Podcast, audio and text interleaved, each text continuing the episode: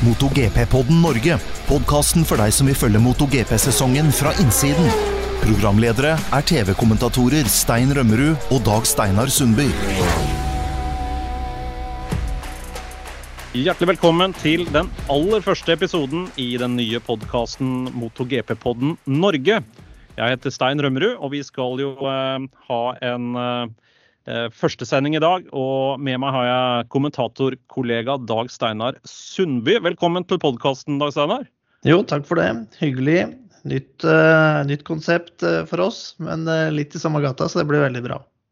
Det gleder vi oss jo til å se hvordan det blir tatt imot av lytterne våre også. For det er jo sånn at interessen for MotoGP den har jo gått opp veldig den siste tida. Og vi har jo også fått spørsmål fra seere på sendingene våre i Viaplay og V-Sport 3. Vi har jo kommentert MotoGP en del år nå. og det er flere og flere som ønsker seg en MotoGP-podkast på norsk. Og det er det vi leverer på i dag, da. Så dette er jo helt nytt for oss. Vi får jo se litt hvordan eh, form og farge på denne podkasten blir. Men nå så langt så eh, vil vi starte med denne første episoden, som går da i forkant av VM-runde nummer to fra Indonesia.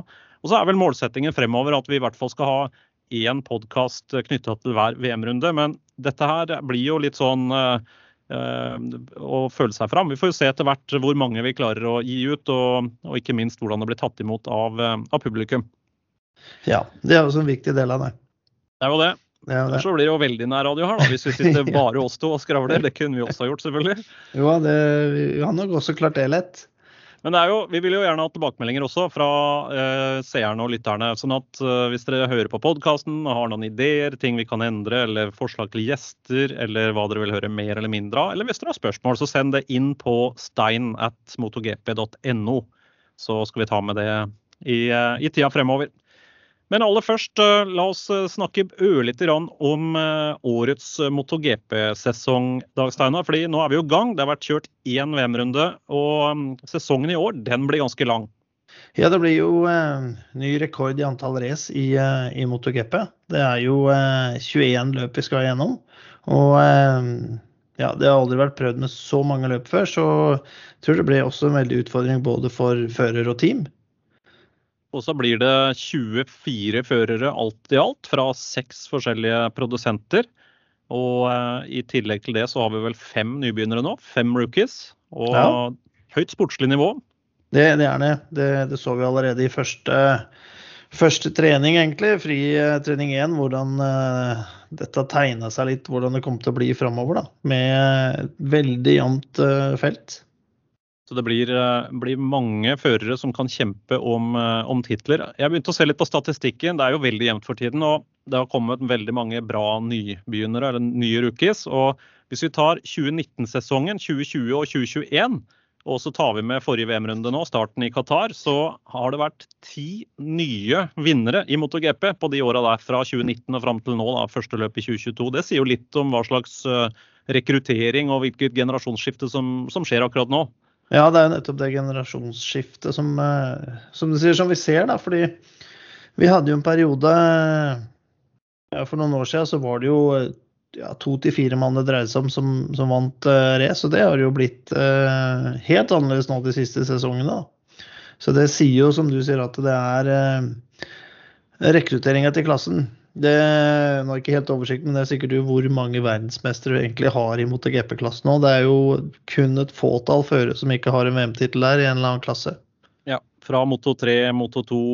Eh, vi har faktisk også noen på 125, og ikke minst MotoGP. Så det er, det er ekstremt høyt nivå. Og vi hadde jo vi hadde tenkt i dag at vi skal snakke litt om MotoGP-sesongen som vi har foran oss. Og så skal vi snakke litt om det VM-løpet som ble kjørt for 14 dager siden i Qatar. Det er en veldig spesiell VM-runde, og vi skal avslutte med å komme med litt eh, forhåndsinfo om eh, den VM-runden som kommer denne helga. Og det er jo fra Mandalika i Indonesia, som er en helt ny bane. Men eh, da Steiner, da har vi vel vært gjennom litt sånn bakgrunnsinfo om 2022-sesongen i MotoGP. 21 løp alt i alt, altså 24 førere osv. Um, vi kan jo også lynkjapt si litt om det tekniske reglene. For det, det kommer jo litt sånne nye fans inn og skal høre på MotoGP. og uh, Det her går unna. Dette er jo de råeste motorsyklene som er lagd for racing. Ja, det er uten tvil det. Og eh, det er jo også kjempeartig da at det kommer inn nye lyttere og, og seere sånn. Og um, MotoGP har jo vært spydspissen i, um, i, i, alle år, da. Det, fra de gikk over fra 500 totak til uh, MotoGP. Og det har vært flere varianter av det gjennom de, de siste tiåret. Men nå er det 1000 kubikk. Det er firesylindere motorer og eh, veier 157 kilo sykla. og har effekt. De sier jo Ducati nå rundt 300 hester, så det sier jo litt, da. Og vi har sett topphastigheter på over 360 km i timen. Det har vi gjort. Det... Råere enn det her blir det jo ikke. Vi har jo en sånn evig krangel med Formel 1. Det er en vennskapelig krangel også med Formel 1-kommentatoren eh, Atle Gulbrandsen om hva som er råest. Han kommer jo hele tiden drassende med rundetider og sier at det går så fort i svinga med, med Formel 1-biler. Eh, Men eh, jeg vil jo si at ja, MotoGP er eh, for min del i hvert fall mer underholdende. Det er bredere racing, og her får man jo virkelig smekk på fingrene hvis man, eh, hvis man gjør noe feil. Ja, det, det er også forskjellen. da. Så eh, mindre gummi i bakken, de må ha ekstra gummi for å kunne prestere de rundetidene, mens MotoGP går jo helt klart fortest. De går jo fortere enn en MotoGP, nei, unnskyld, en Formel 1-bil. og akselerasjon er også heftigere. Og som du sier, da, vi har sett over 360 km i timen i toppfart. og det, ting begynner å skje fort da, og inn i første sving. Ganske heftig. Det blir alltid bra racing, og vi fikk jo også bra racing i VM-åpninga i Qatar. For det starta jo nå for 14 dager siden. Og den VM-runden den er jo veldig veldig annerledes. For der er det nattløp, og banen ligger jo ute i ørkenen. Og vi har sett det så mange år på rad nå at det er veldig farlig å begynne å trekke noen konklusjoner på det vi ser Eh, fra Qatar. fordi når man beveger seg utover i sesongen, så er det ofte helt andre resultater og andre førere som, som dukker opp. Um, hva skyldes egentlig det, at, det, at Qatar-løpet er så annerledes? Nei, jeg vet ikke, Det er jo første løpet i, eh, i sesongen også, da. Så det er jo Ja, jeg tror også fører og team må finne litt sånn Ja, hvilke foto står på og hva de satser på. Vi hadde jo trodd mye forskjellig før også runden i, i Qatar, men det ble ikke helt som vi hadde spådd da heller. Og det, det, er nettopp det du sier, at det er jo ikke mulig å egentlig spå. Og når vi ser på det var, hvordan det var i fjor, med hvem fører som, som gjorde det bra da og sånne ting, også det ble jo det ganske annerledes i år igjen. Så um, hva som gjør det, det ja, det er vanskelig å si egentlig, fordi ja, de kjører, det kjøres om kvelden. Det eneste løpet som går i flomlys. Det kan ha innvirkning på noen av førerne. Men uh, det er jo sånn som vi har sagt før, at det ikke setter seg helt føre det har gått noen løp, at vi begynner å se hva som egentlig gjelder. Og Det har vel kanskje også noe med at uh, særlig Factory-teamet kommer jo med sykler som har vært gjennom litt vintertesting og sånn, men det er fortsatt mye utviklingsarbeid igjen. og Det er jo den første syretesten på hva er endringene fra 2021 til 2022 i det tilfellet her. Nå så bruker jo teamene litt tid på å få skrudd seg inn, rett og slett. Få justert inn alt av elektronikk og støtdempere og chassisgeometri og alt det nye. Og da ser vi ofte at uh, fjorårssykler, som jo allerede har vært gjennom en sesong, de er, uh, de er jo bra rett ut av boksen. fordi ja. der har man masse data å støtte seg på fra fjoråret. Og, og, de førerne begynner jo ikke helt på scratch, men det gjør veldig mange av de som kjører 2022-sykler, da. Ja, det, det, så vi jo da også i forhold til Ducati, som, uh, som gikk da tilbake igjen til en hybrid for factory-førerne sine mellom 20, 2021 og 2022. Og så valgte jo de en uh, løsning for de forskjellige førerne. Og Bastianini som, som vant, da, han kom jo på en race ready 2021-modell. Så så sier de, og de førerne også som er på de syklene, de når de tester før sesongen, så får de testa på race eh, setup. De har ikke noen nye deler de skal teste. Det er ikke nye løsninger som skal finnes ut av, sånn som factory-teama gjør med sine nye sykler. Så jeg tror også førerne i noen av de, eh, sånn som vi så nå med Bastanini, kan ha fått testa race-setup i, i, mye større grad enn de med de siste års factory-sykler. da. Og Hvis vi kikker på resultatlista, så var det var jo noen virkelig store overraskelser der. Kanskje den største overraskelsen av dem alle var vel Enea Bastianini for Gressini-teamet. For det jo, ble jo en veldig emosjonell affære. De har jo ikke vunnet noe løp siden Tony Elias i 2006 på Estoril, det teamet. Og det har jo skjedd masse i Gresini-teamet siden, eh, siden, fjorårssesongen og året før der. Blant annet eh, Den meget høyt profilerte teameieren og teamsjefen Fausto Gresini han døde jo dessverre, av covid-19. og Det er jo enka etter han, da, Nadia Padolova, som har tatt over driften av teamet. Og at de da skulle få en, en seier i første løp i år med Nea Bastianini. Og ikke bare det, det er første løpet de kjører med Ducati etter å ha hatt mange år med Aprilia. Den så ikke jeg komme, skal jeg være helt ærlig. Nei, ikke, ikke heller. At vi begynte også kanskje få litt sånn Jaha, det her eh, kan bli spennende når Bastianini kvalte så høyt opp som han gjorde. da. For eh, normalt så er jo han hvert mellom 10 og 15 på kval, og så har han kommet sterkt på slutten av racet, da, særlig på Misano. Eh, men Det er jo hjemmebane, men at han skulle gjøre det her, hadde vel ikke jeg forventa. Jeg tenkte han kanskje var med ei stund, men ja, men det var eh, imponerende å se at han klarte hele veien inn og hadde så mye ekstra da på slutten av racet som han hadde. Han er jo helt rå på det å eh, disponere krefter og ikke minst spare dekk og ha mye å gå på på slutten. og Han valgte jo også medium bakdekk. Eh, det så ut som fungerte bra, for det gjorde vel også Brad Binder fra KTM som ble nummer to. Ja, og så hadde Paul Espargaro på tredje, hadde soft bak. Men um, sånn, man kan jo ikke Vi kan jo ikke helt ta og uh, si hva som er eh, rett og galt, for det er så stor forskjell på sykler og settinger og hva som funker for de forskjellige teama føra. Så om uh, medium funker på en uh, KTM, så er det ikke sikkert han gjør det på en, på en Honda eller en Yama. Det er, det er mye som spiller inn. Men det ble jo et uh, jevnt løp mot slutten, dette her òg, da. For uh, avstanden mellom Bastianini og Brad Binder det var vel bare tre tideler. Og så hadde vi Paul Espargaro på tredje for Repsol Honda. Han ble jo 1,3 sekund bare bak Enea Bastianini, så det begynte jo å jevne seg ut litt på slutten der. Og jeg tror jo Bastianini skal være ganske glad for at det løpet ikke var én runde lenger. fordi vi så vel egentlig både Binder og Espargaro tok ganske mye innpå på slutten. Ja, de kom tilbake. og Eh, Bastianini tapte jo litt, eller klarte ikke å holde det samme trøkket eh, på den siste runden. Så da så vi at de, de kom litt tilbake nå, og Binder da særlig veldig sterk eh, da. Og med, med Paul, da, som er vel en av de første førerne som noensinne har slått Mark Marquez i en rein i et rent race sånn, da, var det første Repsol Honda også. Så det var jo en, en ny sak. Ja, Det er kult, fordi der har det skjedd veldig mye. Den uh, Årets utgave Honda den fungerte jo veldig bra rett ut, av, rett ut, av, bussen, egentlig. De har jo kjørt bra med den fra første stund. og Der har det skjedd litt endringer. Det, det er vel mye som tyder på at årets Honda har uh, ja, hva skal vi kalle det, krav til føreren som er litt annerledes enn det fjorårssykkelen hadde. og Det ser ut som Paul Espargaro kjører veldig bra med den med en gang, mens for Mark Marquez, som nå er tilbake for fullt etter to vanskelige år med skader og mye trøbbel. Han må legge om kjørestilen og slite litt med å finne seg til rette der. Ja, og Han sa jo også det var en veldig bra del av med racen. Han fikk en kjørt 22 runder sånn i fullt race, og det er jo ikke noe som han har vært i nærheten av gjort tidligere på tester og sånn. Så, så, han sier man får ikke den samme feelingen med sykkelen under test som han får under race.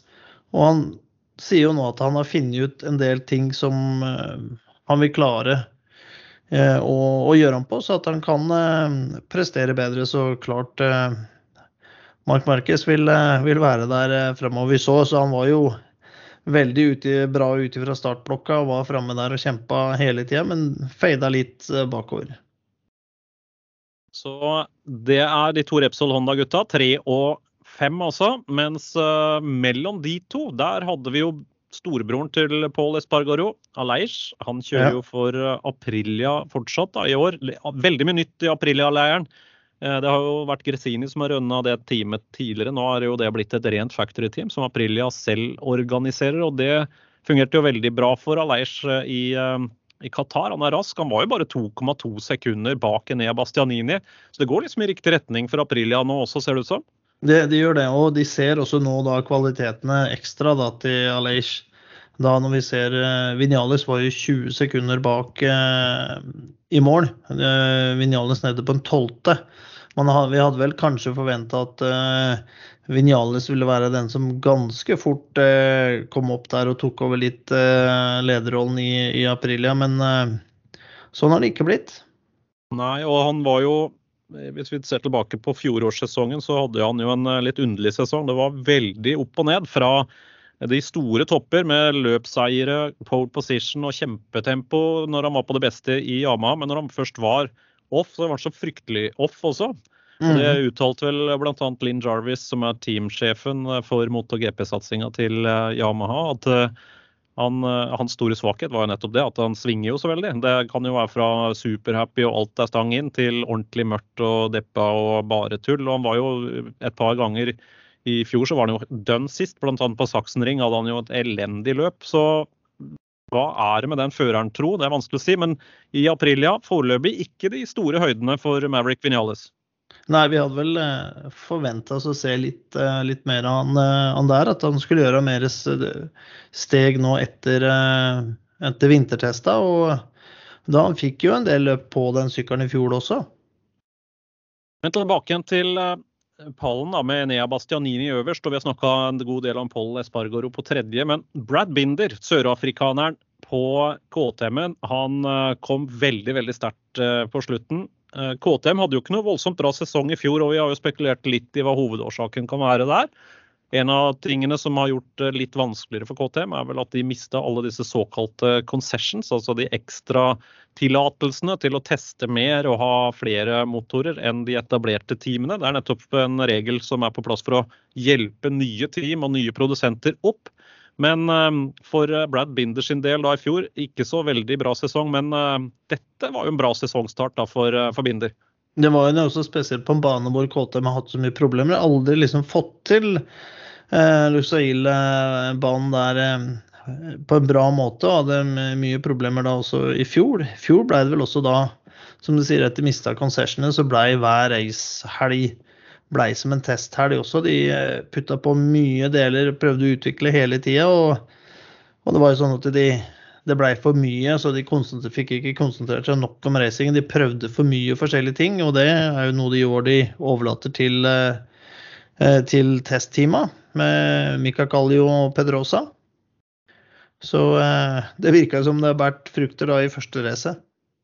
Da er jo eh, Remy Gardner den nest beste KTM-føreren. Han var vel nede på 15., og så hadde vi Raúl Fernandes på 18. Så det var vel eh, det som var å snakke om. Miguel Oliveira han eh, hadde ikke noen kjempedag og fikk vel bare kjørt ti runder av, løpet den gangen her. Ja, så gikk han over ende, så det var ikke noe, noe god dag på jobben for han. Og Apropos god dag på jobben, Dag Steinar. Ducati de kom jo til Qatar stopp, stappfulle av selvtillit. De har jo aldri hatt så mange førere i ulike team som det de har i år. De har åtte førere totalt. Det er to i factory-teamet, som heter Lenovo Ducati. Der har vi eh, Jack Miller og Pekko Bagnaya. Og i Pramac-leiren så er det jo selvfølgelig store forventninger til Jorge Martin og Johan Sarko. Og alle de fire de kjører jo da med en eh, såkalt GP22. Det er årets utgave av, eh, av Ducatien. Så har vi Gresini-teamet med Fabio Di Gian Antonio og Enea Bastianini. Og der vant jo Bastianini. De kjører med fjorårsraceren, GP21. Og hvis vi da går til det siste eh, Ducati-teamet, så er jo det det nye Valentino Rossi-eide teamet, Muni VR46 Racing Team. Der eh, Luca Marini er førstefører. Han kjører med en GP22, altså årets eh, racer. Mens Marco Bezzecchi han kjører jo da med fjorårsraceren, en GP21. Og han også måtte jo bryte løpet da i, i eh, Qatar. Men eh, hvis vi ser på eh, innsatsen til de fire som kjører GP22 i enten Factory-teamet eller Pramac-teamet, det var ikke noe særlig mye å rope hurra for. Nei, det blei jo en veldig dårlig helg for de. Det, det, det blei jo det, og det skjedde jo så mye. Men ene tingen som vi også har sett seinere, er jo at ingen av de kan du si, nye Ducatiene, da Factory-gutta med Bagnaya og eh, Miller, eller Quartararo og Jorge Martin, hadde den knallstarten de pleier å ha. Det, de var raskt ut av blokka, liksom, men eh, de hadde ikke den driven. Så, så eh, det er jo noe de har snakka om i, i seinere tid etter racet, sånn, at de har gått gjennom dataene sånn, og ingen av de hadde den samme driven ut fra, fra start som eh, sånn som Enea Bastianini hadde, annet. Og så så vi også Hondaene var veldig bra i, i starten, den akkurat da det sekvensen der til du legger inn da andre trejager. Um, men vi så jo også da i, i racet så sleit jo de, de droppa jo bakover. og Og da bl.a. en mann som sjelden gjør så mye feil, har gjort da siste halvdelen av fjorårssesongen, Bagnaya.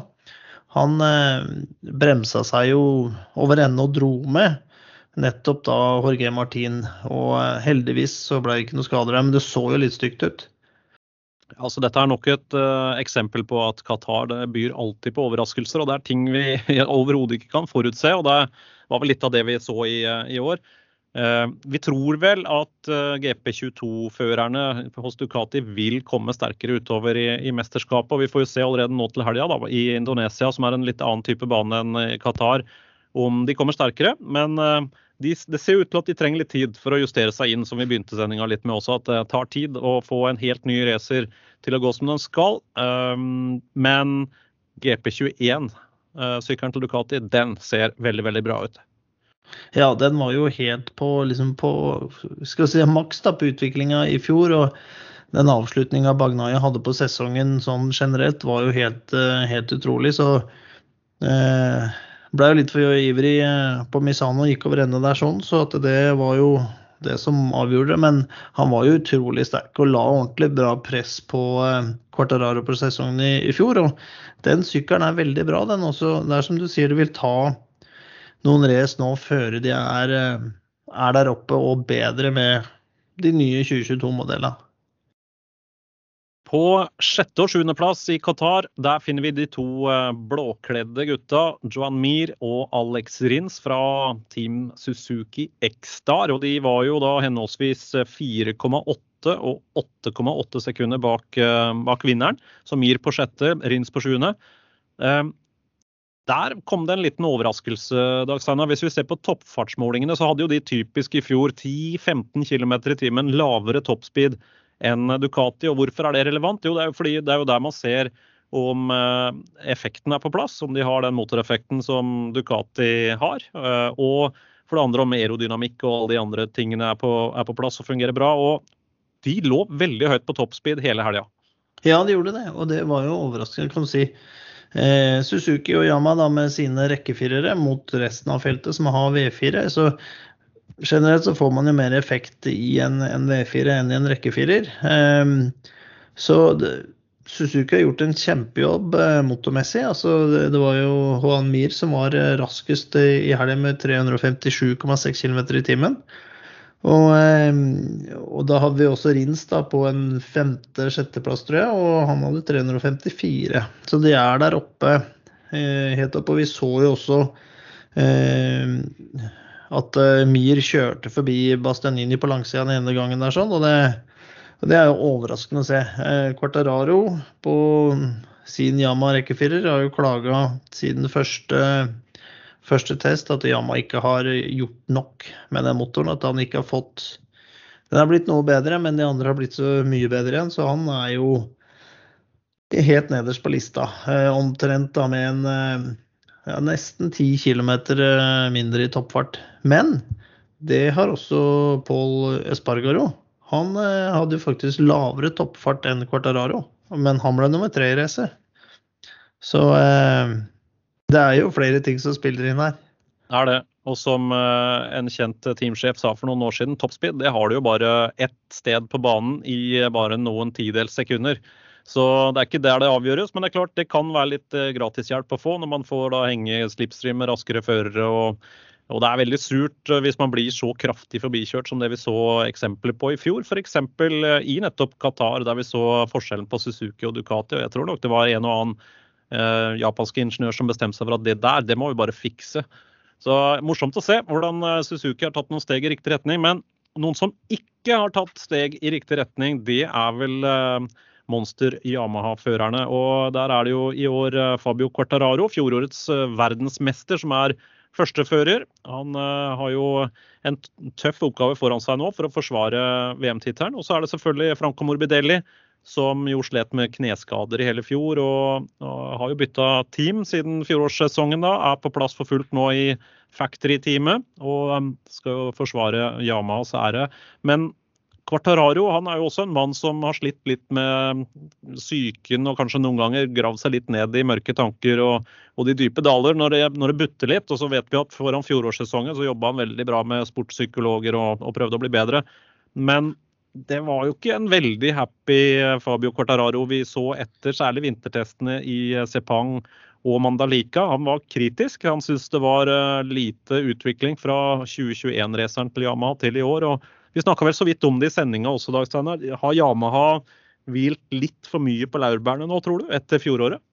Det, det, er fort gjort at de, de har gjort det. Også, også da trodd kanskje at det med en, en liten oppgradering, en oppgradering da, uten å, å, gå til de helt store, men de prøver hele tida å få mest ut. Da. Men det er jo det er balansepunkt på alt her når det gjelder motorer også. Det skal jo holde. og og eh, etter den runden de også hadde i fjor, med ventilopplegg og sånne ting, så at det kanskje de er eh, litt for konservative når det gjelder den eh, å pushe den motordelen. For de har gjort noe. Sykkelen går jo, noe, går jo bedre, men det, det, er ikke nok i forhold til de andre.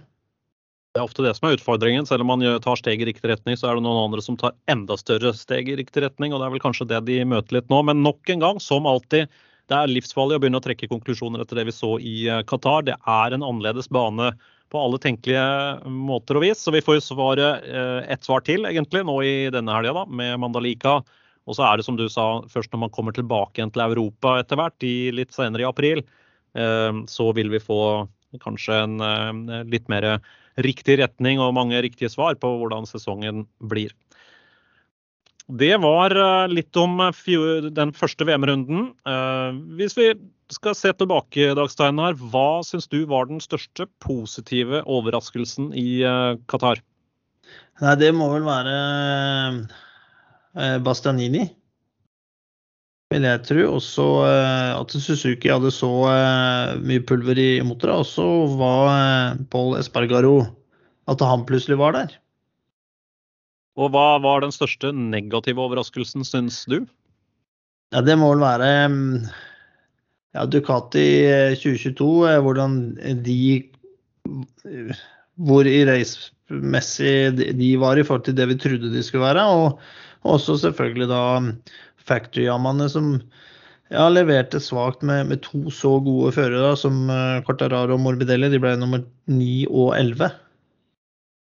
Nå tok, jo, nå tok jo du mine poeng her, da. Så er, eh, ja, jeg hadde tenkt det... å si omtrent akkurat det samme. Jeg eh, er enig. Jeg, på det positive siden kanskje mest overraska over at Suzuki plutselig var der. Og at de har klart å, som Miller sa, found some ponies. Det er blitt noe mer hestekrefter der i løpet av vinteren, og det, det er imponerende jobba. Og selvfølgelig at Bastianini vant. Men på negativ side, der må jeg si at jeg er kanskje mest overraska negativt over hva Yamaha presterte der. Fordi de var så sterke i fjor. De hadde jo én seier uh, hver seg på den banen, og det, jeg hadde forventa mye mer. Uh, så veldig skuffende. Men det er som alltid en uh, litt sånn nervøsitet i sesongstarten. Og så vil jo etter hvert mesterskapet sette seg litt. Og det er jo det er ren matte, dette her. Det er den som samler mest poeng i løpet av 21 runder, som blir verdensmester. Og da er det ikke bare det å vinne ett løp som er viktig. Man vinner ikke mesterskapet på ett løp, men man vinner, mesterskapet på jevnhet utover. Og det har vi jo særlig sett på de to siste verdensmesterne. Både i uh, fjor, da, 2021, med Fabio eh, Quartararo, som var jevnest gjennom hele året og tok uh, flest poeng og ble verdensmester. Og det så vi også i 2020 da, med Suzuki-fører Johan Mir, som bare hadde én seier den sesongen, men han var så jevn at ingen klarte å true han i mesterskapstabellen. Ren matematikk, det er flest mulig poeng i snitt da, på hvert eh, enkelt løp gjennom 21 runder som vil avgjøre mesterskapet. Nok om eh, VM-åpningen i Qatar. Vi eh, skal over til den neste VM-runden som skal kjøres denne helga, nemlig Mandalika og Indonesia.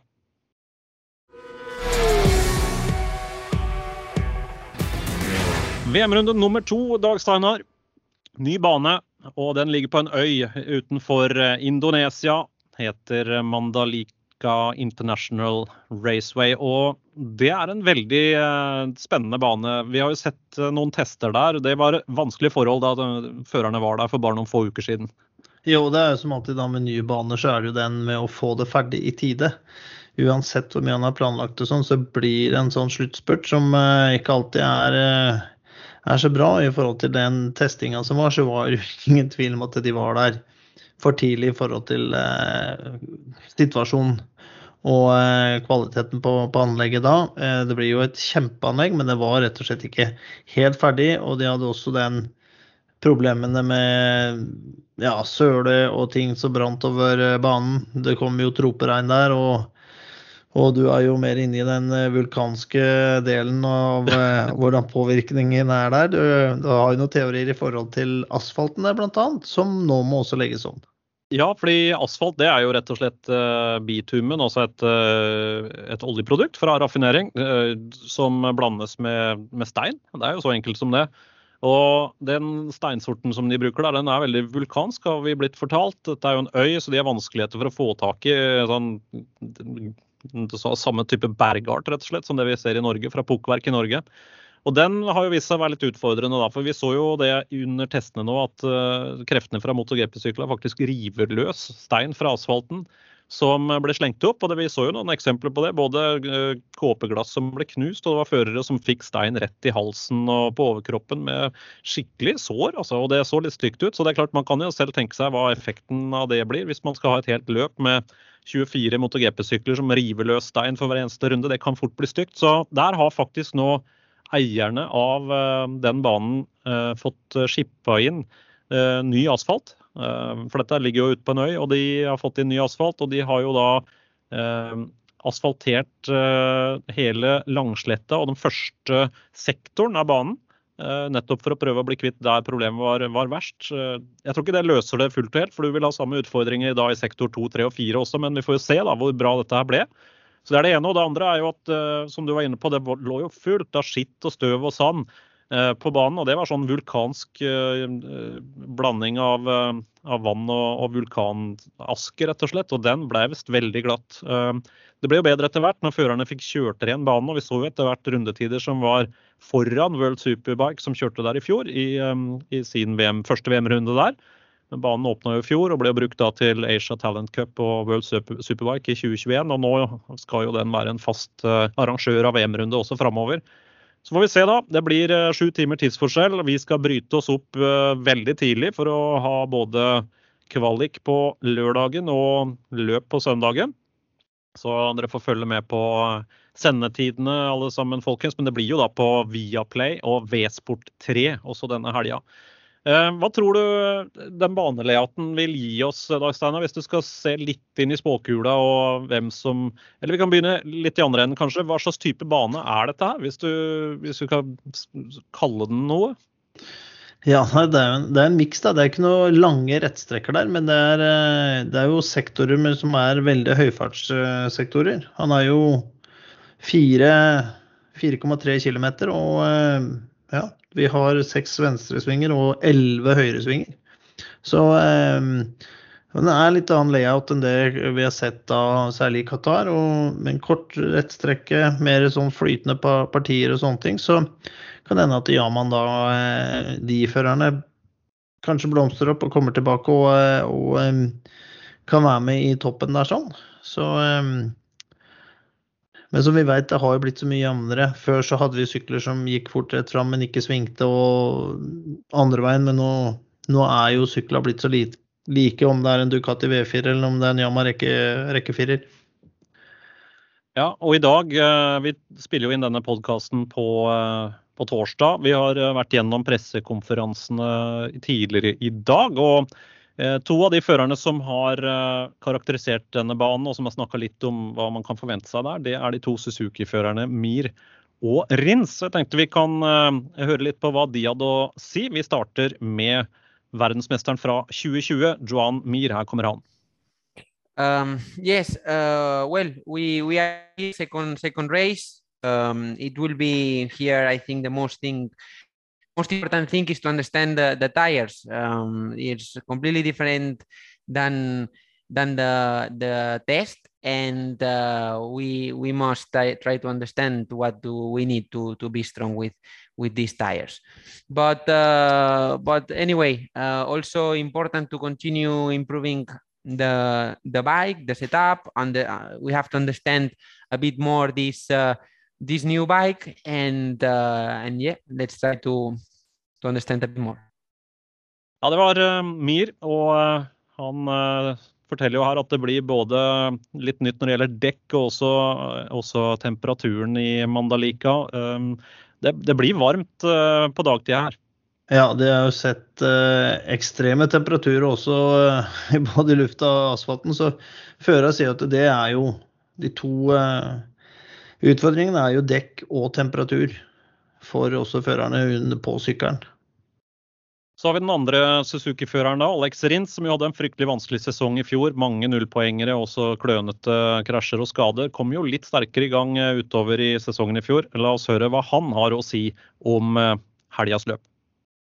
Sincerely, I'm really excited to start the DGP. Uh, is one of the races that we need we will suffer more physically because the hot is uh, unbelievable. Uh, but but anyway, I'm I'm happy to be here, happy to to race here, uh, and and ready. Let's see how the weekend is going. Uh, first of all, let's analyze well the the tires. Uh, are a little bit different. The rear ones uh, compared to the test. They bring some some different compounds for the for the temperature.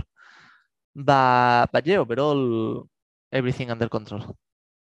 Det var Alex Rins fra X-Star Suzuki. Uh, vi skal se litt på sendetiden i dag, Steinar. Det vil jo være som sagt veldig tidlig morgen der. Og vi starter jo sendinga på lørdag med kvalifisering 1 i Moto 3-klassen. Den sendinga starter uh, så tidlig som 05.15 på lørdag morgen. Så går det slag i slag da. da høydepunktet mot GP-klassen, der starter jo FP4, altså fritrening 4, klokka 07.25. Mens kvalifiseringene i eh, MotoGP-klassen starter da 8.05 for MotoGP Q1. Og den siste Q2, da, som er helt avgjørende, den går fra halv ni om morgenen, altså 08.30 lørdag morgen. Så det gjelder å bryte seg opp tidlig, folkens, hvis dere har tenkt å følge med på sendingene på eh, Viaplay og V-Sport 3. Når det gjelder løpene på søndag, så er det Moto 3-løpsstart klokka fem, Moto 2 klokka 20 over seks, og Moto GP det braker i gang åtte om morgenen. Da er det bare å lage litt eh, egg og bacon, koke seg en veldig god kopp med kaffe, og så er det å få morgensending fra Mandalika International Raceway. Dag Steinar og jeg vi skal i hvert fall være klare. Det er altså klokka åtte, og da får vi forhåpentligvis litt flere svar, da. Det, det, gjør vi. Det blir spennende å se hvor, eh, hvor dette her går inn da på den nye banen for MotoGP-klassen. Vi eh, skal jo få, få flere episoder av denne podkasten i eh, tida fremover. Men vi vil gjerne ha tilbakemeldinger og innspill til sendingene. Vi har også noen planer om ulike gjester som vi skal invitere inn etter hvert som sesongen skrider frem, som det heter så fint. Send gjerne en mail på stein at motogp.no hvis dere har eh, innspill eller tilbakemeldinger til denne podkasten. Da begynner vi vel å nærme oss slutten. Vi skal eh, forberede helgas eh, sendinger. Det er masse å sette seg inn i og lese seg opp på. Og vi har også selvfølgelig um, behov for å legge oss litt tidlig, da. Så det er vel kanskje greit å gå inn for landing snart. Vi skal ja. tidlig opp. Vi, vi, skal jo det. Så uh, det er jo greit en god gjennomgang av, av det som kommer også. Det er helt klart. Vi gleder oss til eh, VM-runden i uh, Indonesia. Så håper vi at vi får med flest mulig av dere som uh, lytter til denne podkasten. Takk for at dere har tatt dere tid, og takk for tilbakemeldingene som vi håper kommer. Ha det bra. Du har hørt MotoGP-podden Norge med programledere Stein Rømmerud og Dag Steinar Sundby.